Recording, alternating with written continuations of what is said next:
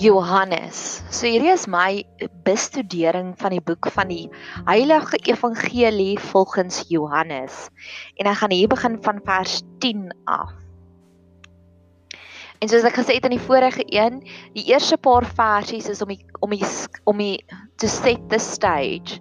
Ek was verlede week weer by 'n plek waar daar publieke sprekers was en voordat die persoon aan boord gekom het, voordat die persoon op die verhoog gekom het, het hulle eers gesê dit is wat hierdie persoon al reeds bereik het. Hulle het al hierdie boek geskryf. Hulle is besig met hierdie kursus. Hulle het hierdie grade en diplomas al reeds agter hulle naam. Hulle is so lank al in besigheid en dis hoe ek voel oor die eerste paar versies van Johannes. Dis asof hy Jesus se CV vir ons voorgee om te sê hy is die logos, hy is die intelligensie wat in alles is. Hy was die skepper van dit alles. Hy was van die begin af daar. En nou hierso begin die meer menslikheid van Jesus wat hy vir ons nog identiteit te gee. En vers 10 sê hy was in die wêreld en die wêreld het deur hom ontstaan en die wêreld het hom nie geken nie. Hy was en ek hierdie navorsing doen is ek maak vir myself sulke mind maps en ek het so hierdie super hartseer oomie nê wat so sit so 'n klipaard wat so sit op so stempel en hy sit so moedeloos en daar staan so groot rejected daaroor. En as ek of jy al ooit gevoel het ons is verwerp deur ons eie mense, weet jy wat? Dis net nog 'n manier om nog nader te hardloop aan God. En dit is so. Mense wat die naaste is aan ons is gewoonlik die mense wat ons heel eerste verwerp. En ons gaan sien hier deur hierdie verhaal van Johannes, deur die storie van Johannes, deur hoe hy deur hoe Johannes Jesus geskilder het. Hoeveel keer het mense hom verwerp wat hom eintlik moes aanvaar het? Sy eie eiendom. Ja, ons gaan nou daarby kom. In vers 11 sê hy Hy het na sy eie eiendom geken, gekom en sy eie mense het hom nie aangeneem nie. En dit is gewoonlik so en ek kan vir jou 3 miljoen stories daarvan vertel van die mense wat die naaste is aan my wat ek wil so graag hê hulle moet die verskil sien van dat Jesus in my lewe is, maar daar's 'n konsep wat die sielkundiges noem, hulle noem dit change blindness. Hulle sien net nie die verandering by nie. En die voordeel wat ek daaroor het is soos wat ons deur Johannes gaan werk, is hy was op 'n stadium by die Samaritaanse vrou en hy was op 'n stadium saam met hierdie een en daardie een en elke keer aan daai mense maak jy hart deure van hulle harte waalwyd oop. En dalk is jy op hierdie punt wat jy voel, Here, ek is so lief vir my beste vriendin, maar sy wil net nie sien nie. En ek het dit ook al keer op keer in my lewe ervaar, daarom nie met my beste vriendin nie, maar met mense saam met wie ek werk. En alhoewel ek weet ek het die antwoord wat hulle lewe gemakliker maak, is hulle change blindness. Hulle sien nie. En daai selfs daai verwerping kan ons na Jesus toe hardloop en sê Jesus leer my om hiermee te deel. Jesus gee vir my ander geopende deure want ek weet u dit self al gevoel. Ek weet ook wanneer ek voor iemand sit in bediening en hulle vertel vir my 'n storie en ek sê vir hulle weet jy wat? Ek weet hoe jy voel. En eh, soos ek gesê het in my vorige podcast ek tussendeur ook besig om deur Eat Pray Love te werk en sy praat ook daar wat sy vir die Italianer nuwe woorde leer en sê sy vir hom I've been there. Maar die oomblik wat jy dit vir iemand sê om te sê weet jy wat ek weet hoe jy voel en weet jy wat dit was my die slegste en dan sê sy o ja ek het nie eens daaraan gedink nie daar is 'n 'n 'n gemeenskaplike band wat gesaamgedra word wanneer twee mense deur dieselfde trauma gaan. En vir elke liewe verwerping wat jy al gevoel het in jou lewe, weet net Jesus was daar. Ek het 'n paar maande terug deur Levitikus gewerk. En Levitikus is al hierdie vrywillige offers. Dis vrywillig. En die woord offer is kubaan in Hebreëus. En kubaan beteken 'n manier om nader te gaan aan God. So selfs hierdie verwerping kan jy as 'n kubaan, as 'n offer vat om te sê, hierso Here, hier's my verwerping. Vers 12 maar ag, oh, is dit nie die mooiste woord nie, but God. So hy sê eers hulle het hom verwerp, maar dan gee hy weer van ons 'n uitnodiging en hy sê maar hier is die uitnodiging tussen hakkies. Almal wat hom aangeneem het, aan hulle het hy die mag gegee om kinders van God te word aan hulle wat in sy naam glo. Glo. En daai mag in die ag nee Hebreëus in die Grieks is dit exousia. En as jy gaan kyk wat beteken daardie mag, daardie power, nê, nee, is dit vryheid en nog een nog 'n woord wat dit beteken is superhuman. Soos ek gesê het, ek het mind maps. So my superhuman wat ek het is 'n superhero prentjie van so ou wat so unleash, nê. Nee, hy hy unleash die power. So elke dag glo ek kan ons vir die Here sê, Here gee asseblief my van daai superhuman eienskappe, daai exousia. Ek het dit aangeneem. Ek wil hê jy moet my verlosser wees. Asseblief kom gee vir my daai superhuman eienskappe. Ek het natuurlik nou weer vir myself baie hoë verwagtinge gestel om deur die volgende 6 dae deur Johannes te werk. So ek het juis van daardie superhuman eienskappe nodig. So dis So vir elke liewe moontlike 'n moeilike ding gaan leer en memoriseer vers 12. Maar almal wat hom aangeneem het, aan hulle het hy mag gegee. Aan hulle het hy superhuman eienskappe gegee. Aan hulle het hy exousia gegee. Vers 13. Wat nie uit die bloed of uit die wil van gees van die vlees of uit die wil van 'n man nie, maar uit God gebore is en vers 14. En die woord het vlees geword en het onder ons gewoon en het sy heerlikheid aanskou, 'n heerlikheid soos van die enigste gebore wat van die Vader was, vol van genade en waarheid. So die woord het vlees geword. Ek wil met jou 'n bietjie gesels oor die manifesterende kragte wat daar is. Ek het die eerste keer dat ek hierdie manifesterende kragte al ervaar. Ek sal podcast maak en my podcast is gewoonlik vir so 'n maand vooruit. So as die Here my op een of ander ander avontuur stuur, maak nie dan die tyd en die vryheid het om podcast te maak nie, dat ek nie hoef te worry dat daar niks nuwe bronne is nie. En die Here was so genadig. So omdat dit vir 'n maand vooruit al daarop is, is dit gewoonlik ek praat vandag hieroor en môre gaan doen ek ietsiekie en keer op keer het dit al gemanifesteer dit waarvoor ek gebid het in my lewe. Sonder dat enigiemand geweet het daarvoor sonder dat enigiemand dit kon gemanipuleer het manifesteer en manipuleer wat buite dieselfde money in het. Dis nogals interessant. En ek glo hoe nader ons aan God groei en hoe meer ons gebed het hoe meer gaan ons daardie manifesterende krag sien in ons lewe En ek het twee ander verhale ook van manifesterende krag. En dit kom uit Jona uit. Ek het nou onlangs met my Bybelstudie groepie is ons besig om deur Jona te werk. En daar's twee kere wat daar ook daai manifesterende kragte het. Die eerste een is Jona 1 vers 2. Maak jy dan klaar, gaan na die groot stad Ninive toe en spreek daarteen want hulle boosheid, daardie boosheid is ook 'n manifesterende krag het opgestyg voor my aangestig. So daar's 'n manifestering van slegte goed en ek glo dis waarvan Paulus geskryf het in 1 Korintiërs wat hy sê van die strongholds wat in ons veg. En op 'n manier glo ek daar's 'n stronghold van haat, tans rasisme hier in Suid-Afrika van geweld, van inbrakery, van rowe. En dis waarteen ek ook nou bid want ek weet Jesus is die antwoord. So my gebede, hierdie gebede is meer as net Bybelstudie, dis vir my om dit uit te spreek oor die wêreld. En dan die tweede keer hoor hierdie manifestasie. Jona 2 vers 7. Dis toe nou toe Jona in die vis was. Toe het my siel in my versmag, het ek aan die Here gedink en my gebed, daardie gebed was ook 'n manifestasie. Dit was ook iets wat gemanifesteer het in die hemel. Het tot by U gekom in die heilige tempel. So ek dink nie ons besef die krag van manifestasie na die bose en na die goeie. Dat die gedagtes wat ons het is dit wat manifesteer in ons lewe en ek het dit al keer op keer gesien hier in my eie lewe. Een van my gunsteling stories en ek sal dit gou-gou hier moet deel.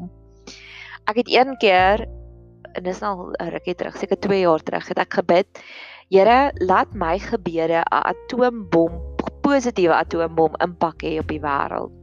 En dit was so seker die donderdag of die Vrydag wat ek dit dit ek nog video's gemaak. En weer eens dit was ook vir 'n maand vooruit, so niemand kon daarna gaan kyk het nie. Toe die Sondag as ek saam met 'n vriendin van my kerk toe en daar was 'n profeet en hy het deurgeloop en hy het so twee profesieë oor mense uitgespreek. Die een was in 'n krisis van 'n werk en hy het vir haar raad gegee daaroor sonder dat hy geweet het daarvan. Dit was net die Heilige Gees. En toe na die diens toe kom vat hy my, hy sê vir my ek het 'n profesie vir jou ook, maar ek voel ek moet dit alleen vir jou gee en prys die Here daarvoor want ek was snot en trane toe hy dit sê. Toe sê hy ek ervaar jy gaan 'n atoombom impak hê op die wêreld. En ek sê wow. En asof dit nie goed genoeg is of great genoeg was nie, later die middag het ek 'n middagete afspraak by een van my vriende gehad en toe kom wys hy my dit hy seker 3 liggies in sy kombuis geïnstalleer. En hulle al drie het 'n hy het 'n mushroom genoem of 'n uh, jellyfish maar vir my het dit soos 'n atoombom gelyk. So hy seker atoombom liggies in sy huis gehad. So mag ons keer op keer sulke bevestigings kry van en ek glo dit is die power en die magic wat Jesus gesê het. Dis Jesus het gesê moenie gaan op die tempelplein en daar gaan bid nie. Gaan in jou privaat kamer sluit jou deur en bid dan. En ek het dit al keer op keer ervaar waar ek in my privaat kamer iets sal bid en dan in die publieke area dan kry ek daai verering. Ek kry daardie manifestasie. En dis hoekom ek so passievol is oor gebed, want dit verander regtig waar jou lewe. Dis daai just one touch as die creator of the universe, nee, vir jou daardie bevestiging gee. Wa en ons het nou net gepraat oor verwerping. Worry jy nie meer oor menslike aanvaarding of mense verwerping nie. Vers 16. So dan gaan hy aan. In vers 15 sê hy Johannes en in die vorige een het ek gesê ons moet onderskei tref. Daar was 'n Johannes wat die skrywer was van hierdie evangelie en dan Johannes die doper. So hierdie is Johannes die doper want hoe weet ons dit? Want Johannes praat nie eendag van homself as Johannes nie. Hy praat van homself in hierdie hele boek as die geliefde disipel. So Johannes die doper getuig van hom en roep en sê: "Dit was hy van wie ek gesê het, hy wat na my toe kom het voor my geword." Want hy was eerder as ek. En in vers 16 sê en uit sy volheid het ons almal ontvang ja genade op genade. Wow, hoe mooi is dit. En dis hoekom ek so passievol is om Johannes op te swat. Grace upon grace dis wat ons kan ontvang. So vandag ontvang ons genade, môre ontvang ons nog meer genade, oormôre ontvang ons nog meer genade. Dis soos golfies wat kom. Ek was 'n jaar terug, ja, dis presies nou 'n jaar terug, was ek in Ponta de Ora, een van my gunsteling plekke in die wêreld. En ek hou nie persoonlik baie van swem nie want ek kry so maklik koud. En ek het saam met my een vriendin in dit geval gesê want sy hou baie van swem. Dis ek wou ek ek wil saam met jou in die see gaan swem. En as jy al ooit by Ponta was, daar's nie eintlik golwe en branders nie. Dit is meer net sulke duine. Dit kom so op en af en op en af. En ek en sy het daar vir seker 'n uur lank gelê daar in die see op ons reg en ons het die diepste gesprek gehad en dan sal die golfie kom en ons opvat en dan afvat en dan 'n rukkie later dan kom hy golf weer op en dan kom hy af. En ek kan nie vir sê watter een was lekkerder nie. En dit was net soos oh dit was so terapeuties. Dit was so wow dit was 'n holy sacred moment. En ek glo hoe meer ons 'n intieme verhouding met Jesus kan hê, hoe meer kan ons daai golfies op en af. En op en af. En dat elke dag 'n avontuur is en dat elke dag getuienis is. En soos ek gesê het, as ek besig om deur Eat Pray Love te lees en is my merkwaardig om te sien dat dis 'n jaar wat sy daai gevat het om daai boek te skryf, maar elke dag was opwindend. Elke dag het sy nuwe filosofiese wyshede ontdek. En ek glo ook as ons in hierdie God se oomblikke van grace about grace kan stap, kan ons elke dag ook 'n boek skryf. Ons kan elke jaar 'n Eat Pray Love skryf want God kan daardie oh wow, daai grace upon grace knoppie aanskakel ons lewe. En dan net so kantnota, Jesaja praat van 'n vreugde op vreugde smaak. So uh, en mag dit jou gebed wees. Mag dit always wat jy onthou van hierdie dinge van hierdie podcast om sê daar kom 'n grace upon grace periode en a, of 'n vreugde op vreugde. En ek het nog 'n storie op grace upon grace daar is op pad na my werk toe is daar hierdie plek wat hulle nou onlangs oorgekoop het iemand van 'n plantland af en hulle het dit verander na Graceland toe. En dit is my so mooi en daar was al tye in my lewe wat ek gery daar en dan bid ek Here asseblief vandag wil ek net bietjie in Graceland bly. So mag jy daardie genade op genade kry waarvan Johannes geskryf het. Vers 17 Want die wet is deur Moses gegee en die genade en die waarheid het deur Jesus Christus gekom. So Moses het jare terug dat die wet gebring en soos ek gesê het in die vorige pot gooi is, dis heeltyd die onderskeiding en die wet bring veroordeling. As jy een stappie misstap, dan dan word jy geoordeel. En dit was ekstreem oordeling, nê? Nee, dit was soos 'n vrou wat oorspel gepleeg het, talle klippe op en stene gehaal. Wat van die man, nê? Nee, Vra dit was my glad nie. Dit het my glad nie sens gemaak nie. Maar Jesus bring vir ons daagliks 'n nuwe geskenk. Hy bring vir ons hierdie geskenk van genade en genade sien ek soos marshmallows. Daar's baie oomblikke wat 'n marshmallow is. Jy tel 'n marshmallow op en jy pop in in jou in jou mond en hy sag en hy squishy en hy smaak en hy geur en hy ruik lekker en is maklik om 'n marshmallow te eet. Waar ek sien die wet soos knikkerbols. Dit vat jou 'n halfuur en op die ouene van die dag kom jy by 'n smakelose chappie uit wat in elk geval nou niks prooi nie en 'n nikkerbul proe en agel nie na niks nie. En jy jy kon al 5 marshmallows geëet het in die tydperk wat jy een nikkerbul se een laagie afgesuig het. En waarheid en Jesus bring vir ons waarheid en hy die waarheid ek is regtig oor 'n prentjie mense is amper asof daar's 'n gordyn oor die misteries van die wêreld en met Jesus trek hy daai gordyn weg. En ewe skielik besef jy O, maar dit is hoekom dinge so gewerk het.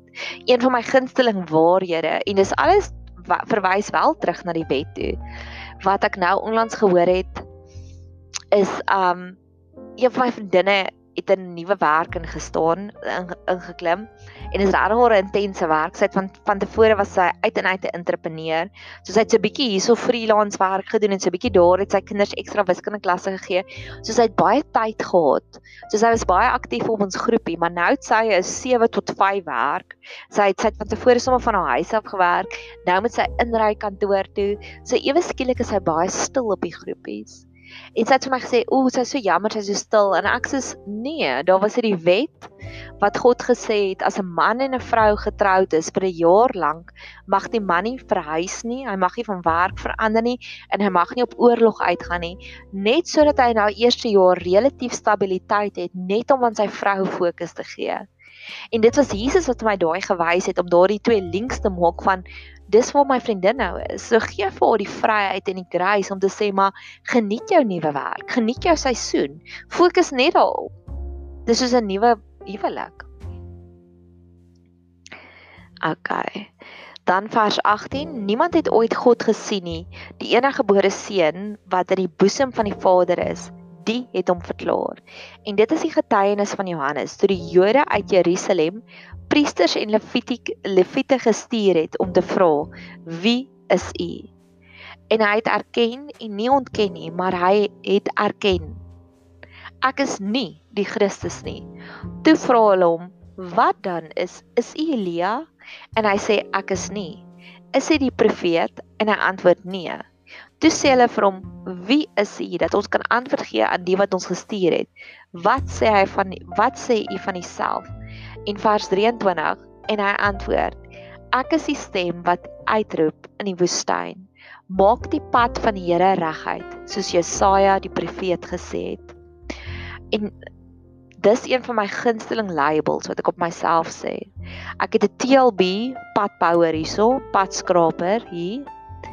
En dis wat ek voel, dis wie ek is. Ek is ook die padbouer en hopelik met hierdie podcast en ek is op Instagram ook en ek probeer om fotootjies te neem en dan 'n storie daarop te skryf van hierdie is God se genade. Soos ek gesê het, jy jy jy het seker al gehoor ek is 'n prentjie mens. Genade is my marshmallows. En dis alles maniere vir my om die pad te bou tussen die mense en nader na God. So mag jy elke keer wanneer jy 'n padskraper langs die pad sien of een teen 20 km/h voor jou ry, jy kan hom nie verbyvat en jy's so frustreerd. Plaas om frustreerd raak in daai oomblik om te sê, Here, ek wil ook die pad power wees, maar ek weet jy kan nie vir iemand sê jy moet daai fliek gaan kyk, maar jy het nog nie self die fliek gekyk nie. So die beste word of mouth bemarking wat jy kan kry is die oomblik wanneer jy alreeds die fliek gesien het en jy motiveer aan iemand om daai fliek te gaan kyk. Of wanneer jy al reeds by die restaurant gaan eet het en jy kan vir hulle sê, "Jy jy moet daai pizza gaan eet. Daai pizza is so lekker." So hoe meer jy bid, dis 'n next level gebed. Ek love next level gebede. Hoe meer jy bid, Here, laat ek asseblief weer padbouer wees. Weet jy dat jy gaan sommer outomaties in 'n intieme verhouding wees met God, want hy gaan eers vir jou sy genade gee en dan eers gaan jy die pad kan bou vir die mense rondom jou. So, ek gaan ek gaan die volgende een gaan binnekort volg. So dit is Johannes 1 vers 10, nee, vers 12, nee, dit was vers 10 wat ons hier bespreek het tot en met vers 23.